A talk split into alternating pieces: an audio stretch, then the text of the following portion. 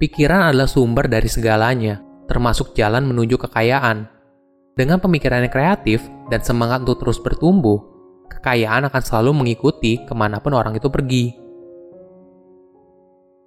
Halo semuanya, nama saya Michael. Selamat datang di channel saya, Sikutu Buku.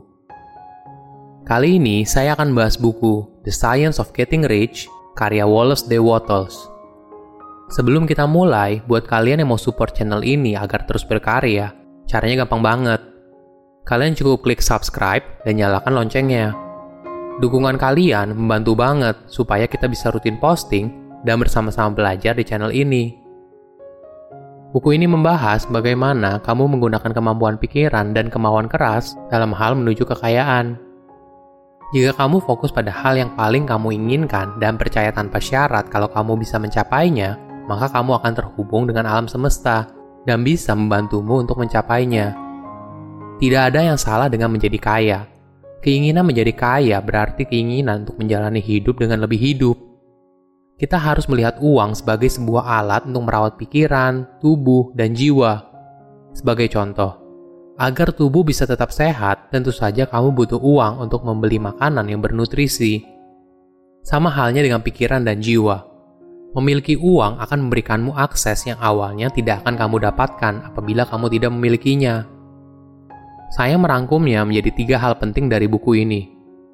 Yang pertama, kekayaan dimulai dari pikiran. Pikiran merupakan sumber kekuatan yang dapat menghasilkan kekayaan dalam dunia nyata dan dimulai dari hal yang abstrak. Semua yang awalnya tidak ada, melalui pikiranlah semuanya dibentuk dan akhirnya bisa menjadi kenyataan. Tentu saja banyak komponen lain untuk bisa sukses selain pikiran. Namun, ini merupakan langkah awal yang harus diyakini dengan sepenuh hati dan mengarahkan pikiran menuju kekayaan. Peradaban manusia bisa maju seperti sekarang juga karena sejak zaman dulu manusia menciptakan sesuatu dari yang awalnya hanya ada di pikiran. Bayangkan, apabila semua itu tidak pernah ada di pikirannya, pasti tidak ada kemajuan teknologi seperti sekarang. Namun perlu diingat, tidak cukup hanya punya pikiran, saya mau hidup lebih baik, atau saya ingin punya banyak uang. Agar terwujud, kamu harus punya gambaran yang jelas apa yang kamu mau. Seperti halnya seorang pelaut yang berlayar dari titik A ke titik B, maka kamu harus tahu apa yang ingin kamu capai. Hidup seperti apa yang kamu inginkan. Dengan begitu, kamu akan bisa mulai merumuskan bagaimana cara mencapainya kamu perlu sadar kalau membangun kekayaan tidak dilakukan dalam semalam, tapi merupakan kumpulan hal kecil yang kemudian menjadi besar. Visualisasi ada alat yang ampuh untuk membantu menggerakkan kita menuju ke tujuan yang ingin kita capai.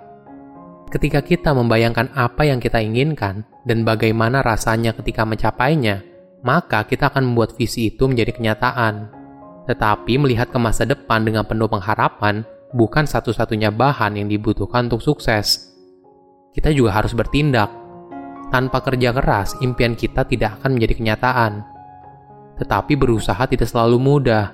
Seringkali kita takut bahwa saat ini keadaan tidak tepat untuk pekerjaan yang ingin kita lakukan. Kita berpikir kita nggak punya cukup waktu, nggak cukup paham, atau tidak punya koneksi. Semua ini adalah alasan yang membuat kamu tidak bisa mencapai kekayaan kamu harus memiliki keyakinan yang kuat kalau kamu mampu mencapai apa pun yang kamu inginkan. Kamu hanya perlu menjangkaunya dan meraihnya.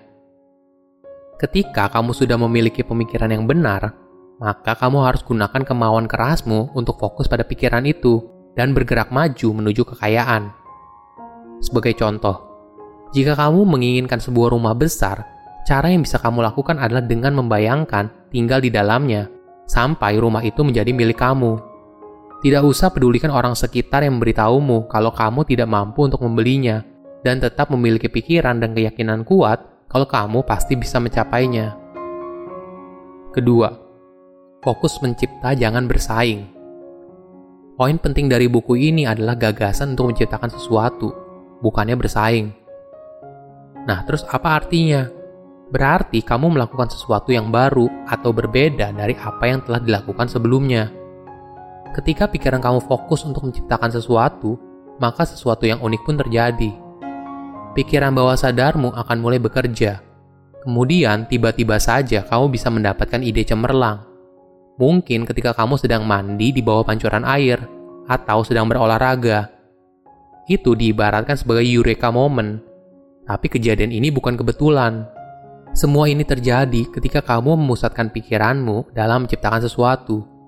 Sebaliknya, kalau kamu fokus untuk memenangkan kompetisi, pikiran kamu tidak fokus untuk mencipta, tapi bereaksi terhadap kompetitor.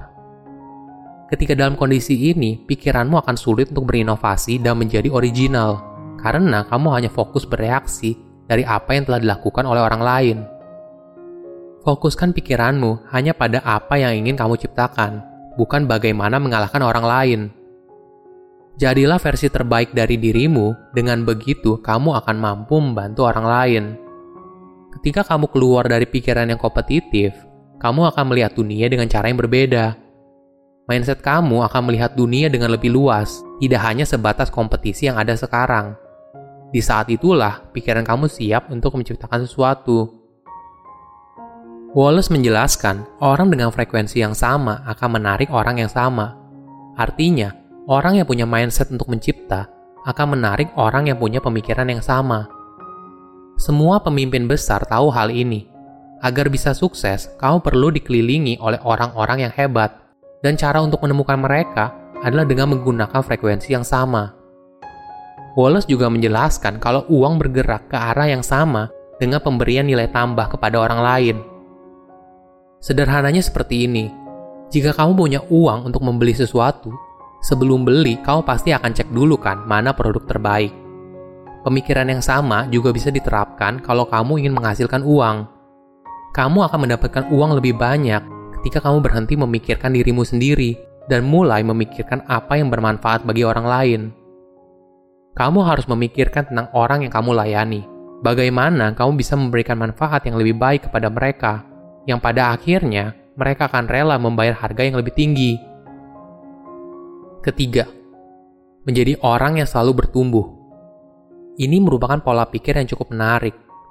Wallace menekankan pentingnya untuk menjadi orang yang selalu bertumbuh, bukan hanya untuk pengusaha, tapi juga bisa kamu lakukan apabila kamu menjadi karyawan. Jangan merasa bahwa kamu tidak memiliki peluang untuk menjadi kaya hanya karena kamu merasa karir kamu mandek di mana kamu merasa gaji kamu gitu-gitu saja, tapi biaya hidup semakin tinggi. Kamu harus punya keyakinan yang kuat atas potensi yang kamu miliki. Lakukan semua pekerjaan yang dapat kamu lakukan setiap hari dengan sangat baik. Jangan berpikir kamu melakukan semua ini cuma agar dilihat baik oleh atasan dan berharap mereka akan mempromosikan kamu. Tidak semudah itu kenyataannya. Jika kamu bekerja dengan baik, ya memang kamu dibayar untuk itu tapi agar bisa dipromosikan, kamu harus memiliki sesuatu yang lebih dari itu. Karyawan yang dipromosikan biasanya merupakan karyawan yang memiliki pengalaman dan kemampuan lebih besar dari jabatan yang sekarang dipegangnya.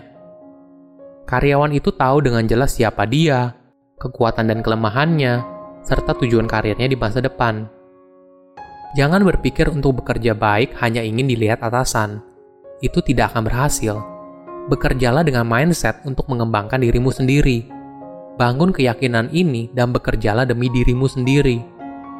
Jika kamu melakukannya dengan benar, orang di sekelilingmu akan merasakan aura yang berbeda darimu. Mereka akan tertarik dengan caramu bekerja dan tidak mungkin kamu tidak akan dipromosikan. Walaupun kamu tidak mendapatkan karir yang kamu mau di tempat kerjamu sekarang, kamu pasti akan mampu mendapatkannya di perusahaan lain. Kemajuan dalam hidup menuntut kamu untuk tidak pernah merasa puas dengan kondisi yang kamu miliki sekarang. Betapapun bagusnya performa kerjamu, kamu selalu bisa melakukannya lebih baik. Tidak peduli seberapa banyak yang kamu ketahui, kamu selalu bisa belajar lebih banyak. Tidak peduli berapa banyak yang kamu hasilkan, kamu selalu dapat menghasilkan lebih banyak. Itu adalah pola pikir dan tindakan yang dijalani oleh orang yang selalu bertumbuh. Pikiran adalah sumber dari segalanya, termasuk jalan menuju kekayaan. Dengan pemikiran yang kreatif dan semangat untuk terus bertumbuh, kekayaan akan selalu mengikuti ke mana pun orang itu pergi. Silahkan komen di kolom komentar pelajaran apa yang kalian dapat ketika baca buku ini. Selain itu, komen juga mau buku apa lagi yang saya review di video berikutnya. Saya undur diri, jangan lupa subscribe channel YouTube Sikutu Buku. Bye-bye.